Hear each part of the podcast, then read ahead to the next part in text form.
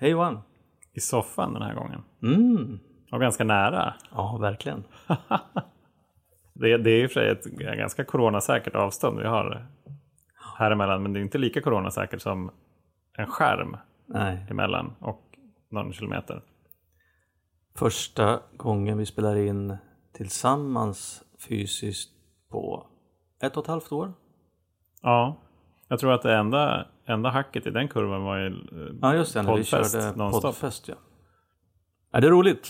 Ja, Det är också så här förvånande att vi kopplar in vår utrustning just det här och säger att vi, ja, men vi kommer hyfsat ihåg hur vi skulle göra. det var så många missöden i alla fall. Vi får väl se Ja. hur länge det håller sig. Ni som är trogna lyssnare av podden vet ju att eh, jag har ju ett mixställ som jag har förstört nästan. Så att vi får se om det rasar ihop under inspelningen. Men det, det, det märker vi väl. Mm. Annars då Johan, hur är läget? Ja, men det är, eh, så här, öm som eh, jobb, öm som vabb. Eh, så här och vill, inne i en sån här vända här nu igen. Eh, jag skulle säga att det faktiskt är ganska bra. Det är skönt att komma, komma förbi och podda lite. Ja, Och få reflektera lite över ja, vad är det som händer egentligen? Ja går igenom? Ja, det, det är ju också premiär faktiskt för att vi spelar in, att vi spelar in hemma hos eh, oss Ja, det är det ju. tillsammans. Precis. Vi brukar ju alltid hänga på vinden på Götgatan annars. Mm. Ja, så det, det känns bra. Det är kul att du är här och eh, fantastiskt att få spela in en podd, ett samtal där man faktiskt också kan eh, se varandras kroppsspråk och kanske också faktiskt fatta när den andra personen vill säga någonting. Men det är lite intressant det där. Alltså man behöver ju ändå... Man har ju förvärvat förmågor att hålla digitala samtal. Mm. Som är på en annan nivå nu än vad de var mars 2020. Ja, visst är det så. Men ändå skönt att vara här. Men mycket härligare med ett fysiskt samtal. Det som är roligt med den här inspelningen är också att vi har ju faktiskt två jubileum att fira. Ja, just det. Det är för- rätt coolt. Det första är att det här är vårt 150 avsnitt. Herregud. Och vem fan kunde tro det? Ja, nej. Och det andra är ju att logiskt då eftersom vi har spelat in 150 avsnitt och hållit på ganska länge så betyder det att jag har haft en till årsdag. Ja, just det. Så Det är ju ännu mer värt att fira. ja, det är ännu mer värt att fira. Så i lördags så hade jag varit nykter i 14 år. Det är ju fruktansvärt lång tid. Mm. Hur firade du det? Eh, jag gjorde som man brukar göra. Nej, men jag gick på möte, eh, tog en medalj, firade tillsammans med en, eh, en tjej som tog tre år. Mm. Hon blev nykter sista september och hon och jag har faktiskt mer av en slump eh, tagit våra senaste årsdagar på samma möten. Inte, inte samma möten varje år, men samtidigt på möten. Ja, just det. Det är lite roligt. Så att jag har ju varit med sedan hon tog sitt första år och andra år och tredje år. Och det, är- det är coolt faktiskt. Kul grej. Ja, det är riktigt coolt. Och hon kanske skulle gästa podden. Ja, kanske det kanske. vi får, vi, vi får, får prata med henne. Men eh, det var lite roligt. Jag, jag fick också äran helt oförberett då när jag var på det här mötet. Jag blev ombedd att också vara talare. Ja, okej. För att de hade ingen just då och de tyckte ju att det, det var några där som visste att jag tog tid så att frågade mig om jag ville prata och det gjorde jag. Och det var ju jättefint tycker jag för att det, då fick jag faktiskt chansen att för mig själv också reflektera och sammanfatta lite grann hur det var, vad som hände och hur det är nu. Men framförallt så pratar jag ganska mycket om hur det är nu. Mm. Och en grej som, som jag tänkte på, som jag kände liksom när i lördags då när jag tog tiden, jag var ute med hundarna på morgonen eller på mitt på dagen eller när det var. Det är ju det här, vi har pratat om hösten förut också, att den har varit lite så här deppig för mig. Men jag kände mig lite melankolisk, lite vemodig faktiskt över att ta tid. Mhm. Ja, men det finns ju flera anledningar till det. Dels så, så det blir ju ett naturligt tillfälle att se tillbaks på den dagen och hur läget var då för 14 år sedan. Mm. Eh, och det... Ja men jag vet inte, det, det fyllde mig med ganska stor sorg. Inte kanske så här hur jag mådde själv utan mycket av mycket om liksom de, vad svallvågorna av mitt missbruk och mitt beteende, vad jag ställde till med. Mm. Men också en väldigt stor tacksamhet att jag har fått eh, förmånen och jag har blivit liksom tillåten av dem som jag har skadat väldigt mycket att också gottgöra dem. Ja, just det.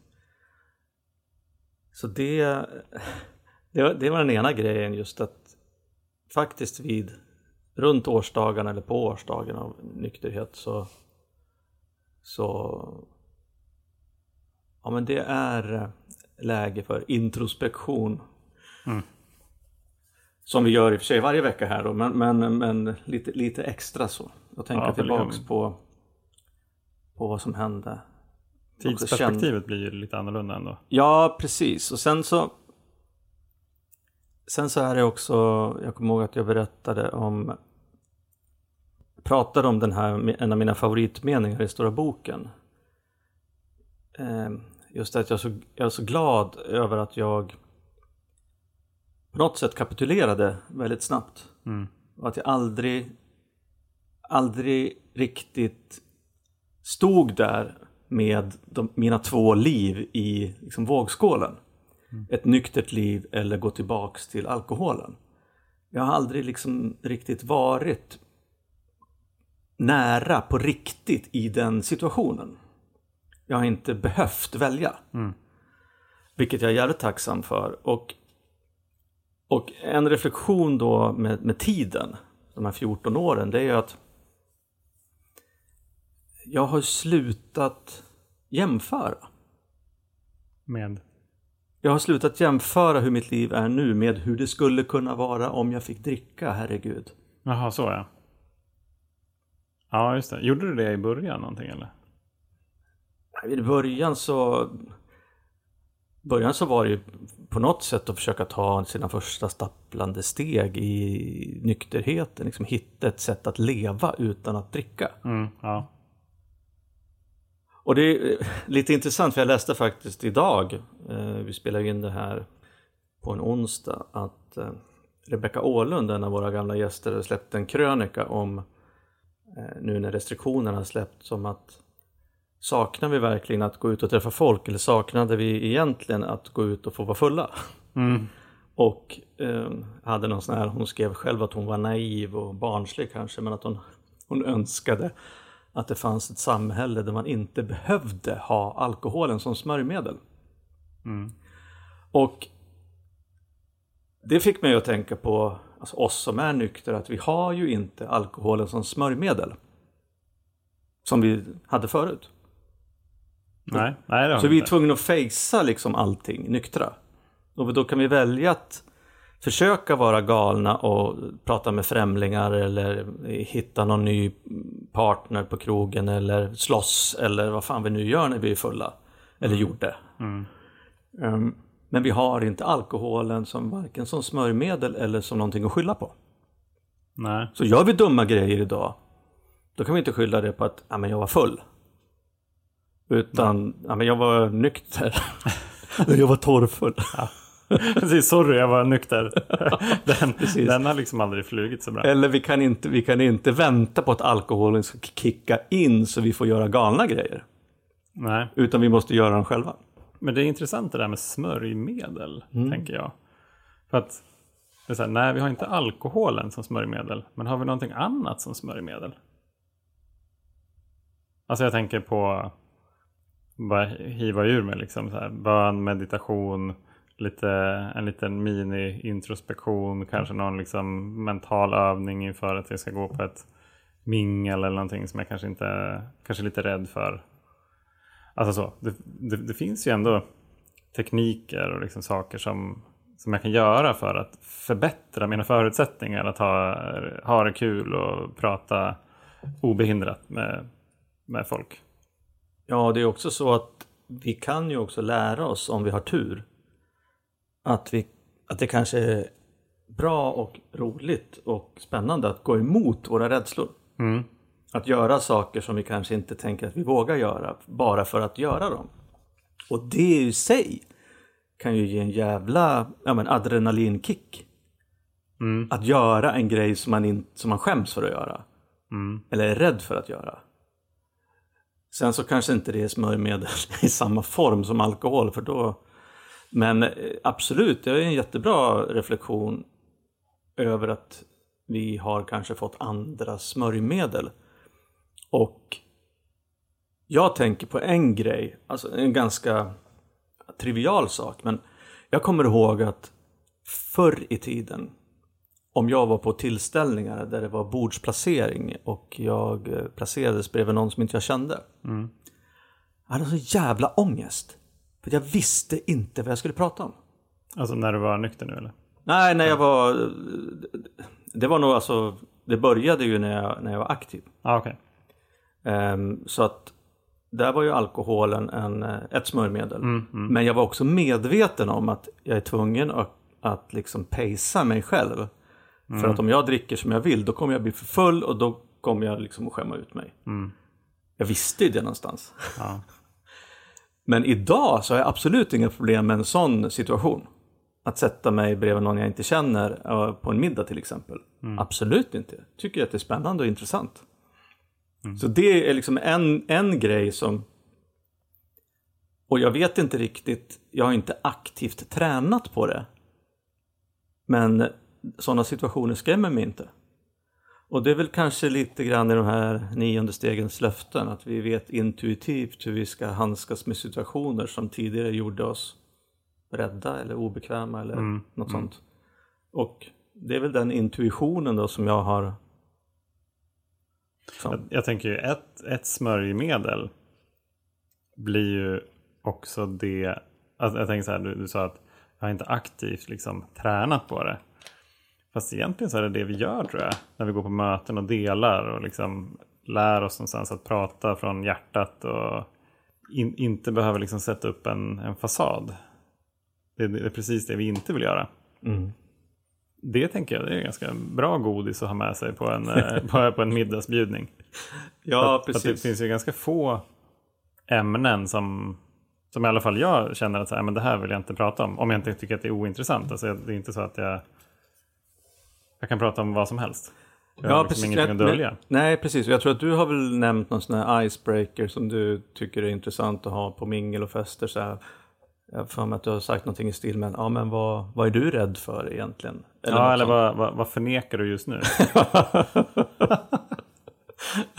ja, ja det, är- det, det är en bra konversationsstartare.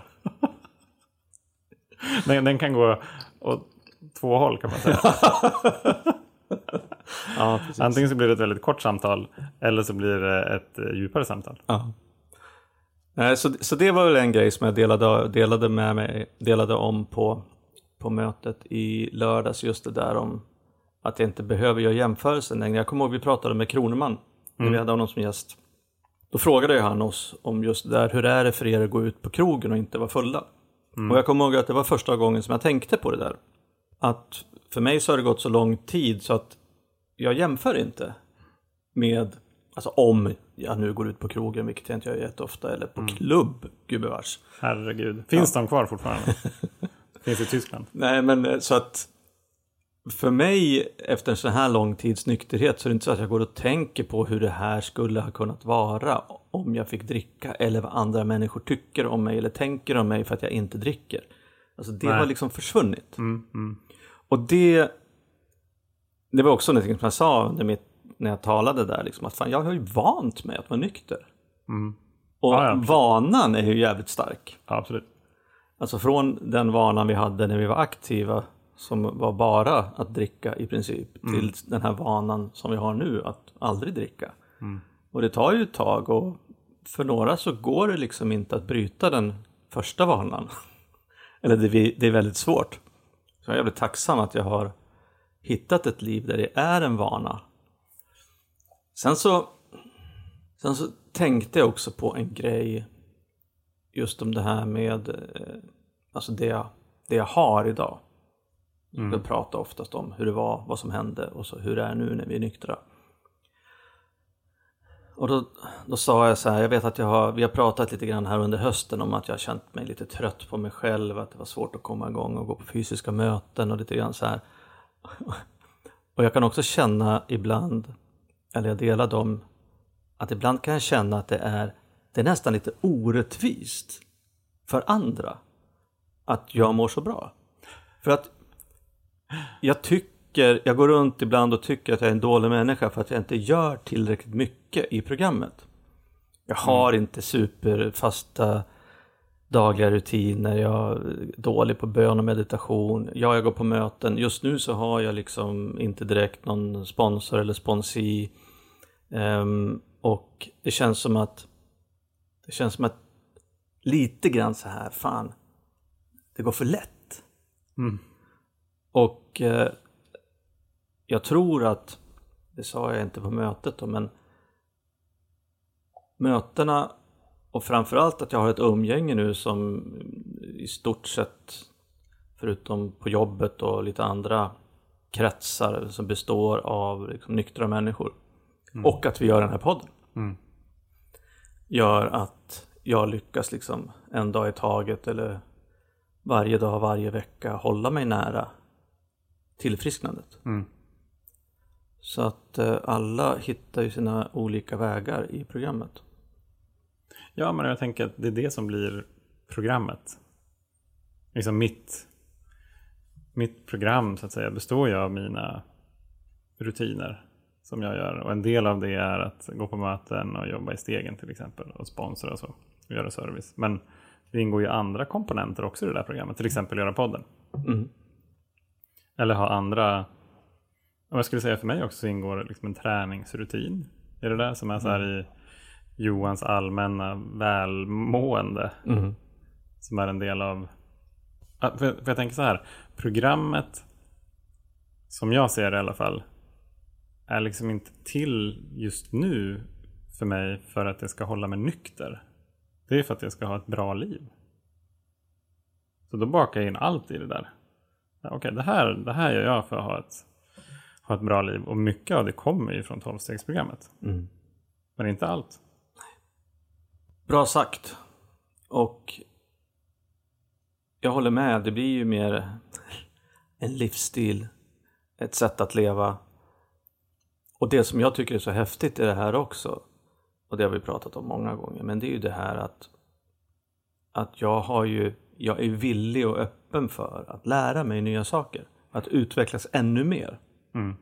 Och det vet fan om jag hade varit om jag inte hade liksom eh, tränat i det här programmet så länge.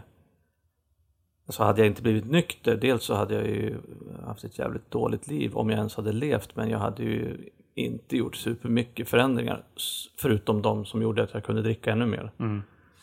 Eh, och det gör ju, det jag, blir så, jag blir nästan lite så här fnissig när jag sitter och tänker på det. att Ja, fan vad bra sagt av Johan att det här att det är ett program för att liksom må bra och ha ett bra liv.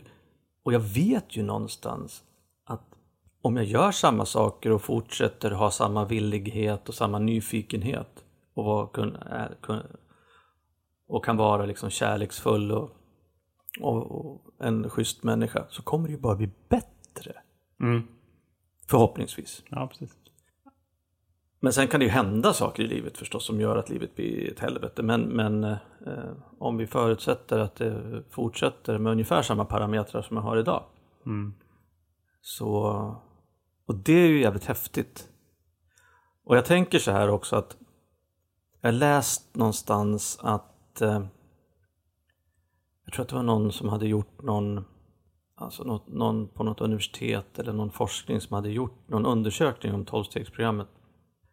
Som ställde sig frågan hur bra liksom är tolvstegsprogrammet för tillfrisknande mm. Eh, från alkoholism. Och det visar sig att eh, en av insikterna som den här människan hade kommit till, nu kommer jag inte ihåg källan eller vad det hette eller vad det var för någonting, var att det var väldigt få i förhållande till de som kom till eh, 12-stegsprogram som var kvar efter 10, 15, 20 år. Okej.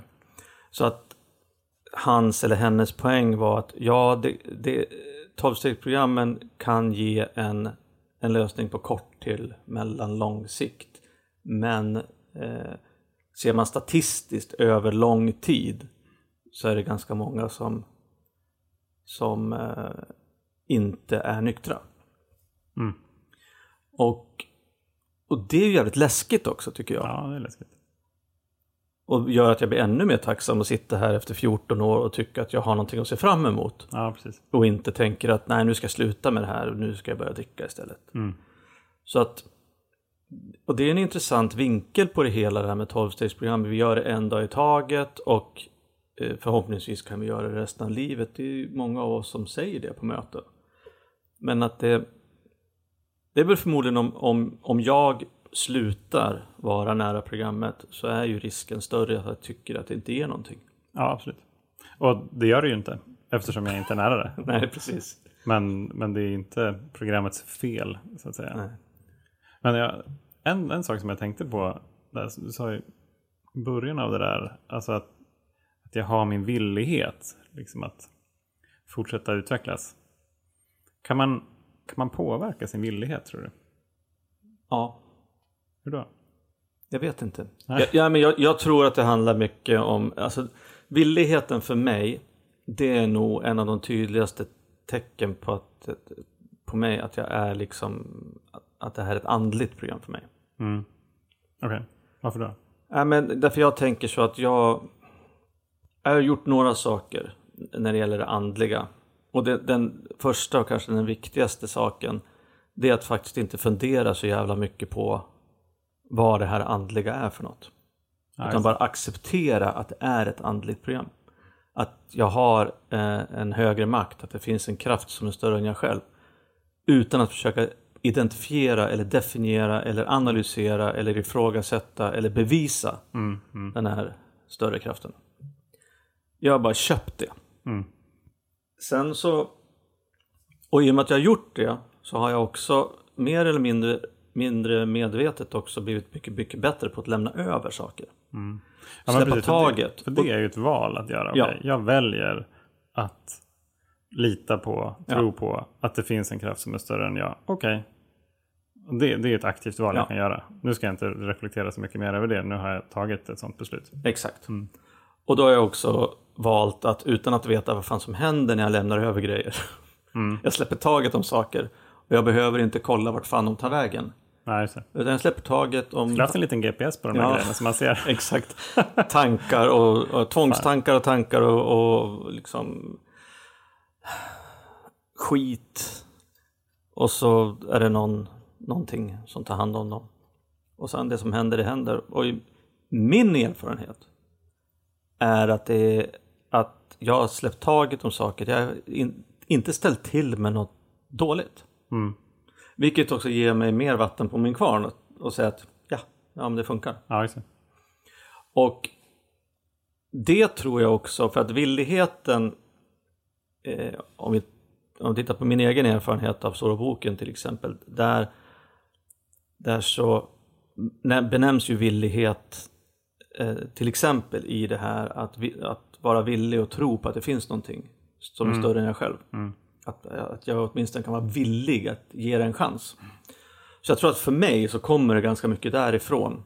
Mm. Att den här villigheten att, att eh, tänka att eh, ja, men det finns någonting, jag kan bli bättre, jag vill vara nyfiken, jag vill lära mig, jag vill lyssna. Sen så är jag jävligt ovillig att göra många saker. Mm. Alltså jag är ovillig till exempel att ha dagliga rutiner. jag är ovillig att eh, ja, göra det ena och det andra. Men det, det är, så måste det också få vara. Mm. Men en, en reflektion som jag brukar göra för mig själv. Liksom när jag känner att jag har något motstånd mot någonting. Alltså jag försöker påminna mig själv om det. här. Är jag villig att se det här ur ett annat perspektiv? Liksom, är jag villig slash liksom öppen för att det skulle kunna finnas en annan lösning liksom, på, på det här? Eller stänger jag in mig och det är mitt, mitt perspektiv som jag då råkar lida av också som, som gäller. Och varje gång som jag ställer mig frågan så är svaret så här, ja, jag är villig att, att göra det. det. Men det handlar ju om att jag ska komma ihåg och ställa mig själv frågan. Ja, precis. Och sen tänker jag så här att att vi sitter här och samtalar i den här podden, det är ju det har ju mycket med den här villigheten att utforska, mm. reflektera, vara nyfiken, förstå, lära, lära mig nya saker, kanske se, eller kanske också få nya perspektiv, mm. eh, ta in gäster för att liksom lära sig nytt och, och, få tips och inspiration om hur jag också kan göra och leva för att liksom må bra. Sen så har väl jag, jag har ju också perioder där jag är som en grinig gubbe. Mm. Hemma framförallt. Som jag eh, försöker, försöker se, försöker tänka på, försöker att undvika men också försöker att rätta till om det nu blir så. Det är, det är i och för sig ett bra namn på en alternativ podd. Två, två griniga gubbar. ja, precis. Ja, nej så att det var fint att få eh, fira 14 år på ett mm. möte och dela med mig av mina reflektioner. Det är ju spännande, så 14 år det är en lång tid men det, eh, på det där mötet så var det, det var människor där som har varit nyktra längre tid än de har varit aktiva. Oj. Alltså som har slutat väldigt unga. Mm, mm. Och det är ju någonting som som jag kan tycka är så här helt sjukt och fascinerande. Hur mm. kan man vara villig att göra den här förändringen när man är så 19-20 år? Ja, nej precis. Då hade ju jag knappt, ja jag hade börjat och jag var väl liksom i, jag höll på att rampa upp. Mm. Mm. Det var liksom tillväxtfas. Ja. Alltså min, min var ju en paus. Liksom, jag laddade ju i fem år. kan man säga. Precis. Så jag vilade mig i form ja. för att kunna ha tio riktigt bra och bedrövliga aktiva år. Kan ja. man säga. Men det var inte så att jag egentligen var redo på det sättet som vi tänker liksom kapitulera redo när jag var 1920. Nej. Du var 35, mm. jag var 41. Och eh, till er där ute som lyssnar som eh, har insikt och en villighet att göra någonting åt saken och har gjort någonting åt saken som, som mycket, mycket yngre, det är ju helt fantastiskt. Mm. Världens ja, cred till er. ja, det är ja, jag är lika imponerad varje gång faktiskt. Mm. Ja, men eh, nu har vi firat klart mig tycker jag. Vad ska vi fira nu då? Ja, 150 avsnitt. 150 avsnitt. Det är, ja, det är, det är faktiskt en milstolpe. Jag kommer ihåg när vi hade 100 avsnittet med, med Andrea och Fredrik. Ja, precis. Då satt jag inne i, i vårt förråd, kommer jag ihåg, och spelade in. På Zoom. Ja. Och... Det, det är ändå galet att ett, att ett samtal kan bölja och flöda och liksom ta med sig eh, ta med sig nya människor in och det kommer på något vis gillar jag så här att det är insikter om vardagen. Ja. Alltså det är inget så här wow, revolutionerande, det här, det här kan vi skriva en bok om. Men det är ju insikter som vid varje samtal gör mitt liv lite bättre. Mm. Ja, det var ju, alltså idag har vi snackat visst om att jag har tagit 14 år men också grävt ner oss i villigheten. Mm. Ja, precis. Det var häftigt. Och vi har ju firat det här med eh, att uh, dricka lite, vad, vad, sa vi, det var poor man's champagne. Eller sober man's champagne. Ja. Det vill säga Trocadero. Trocadero ja. Ej, ej sponsrat av Trocadero. Nej, det finns andra alternativ som inte är riktigt lika bra. Men i alla fall. Så är det sagt. Jag tycker ja. i och för sig, alltså det skulle man nästan ha någon gång. Ha så här en en Trocadero, Pommac, champis eh, provning. Och så finns det också en liknande dryck i Norge som jag tror heter champagnebrus. Ah. Ja, du ser.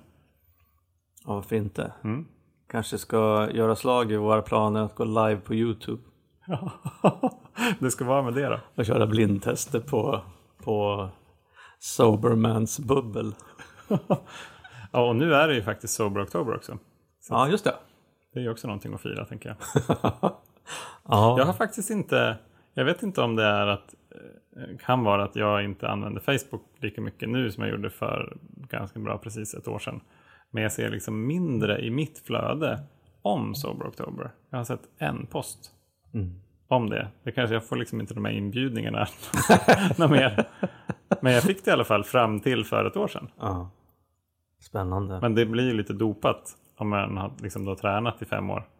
Ja, precis. Just another month. Ja. Men, men det, ja, det, det är ju med skämskudden på liksom varje gång som jag tänker tillbaka på de där på Sober October. Och, och liksom galenskapen egentligen. För så här, när jag då redan hade använt ett undantag i den här regelboken som bara jag visste hur den funkade. Äh, vi, hade, vi var några som tog varandra gisslan i de där, de där reglerna. Då var det inte så att så här, ja, men vi kan gå ut och ta en öl. Utan jag vill inte vaska ett undantag i Sober October på en bärs. Alltså Nej, då, då, Herregud. då tömmer jag i baren. Ja. det är ändå liksom ett undantag. Det är inte så här per enhet eller någonting. Nej. Utan det är per tillfälle. Så att det blev ju... Jag har nog aldrig druckit så mycket som jag gjort under Sober October.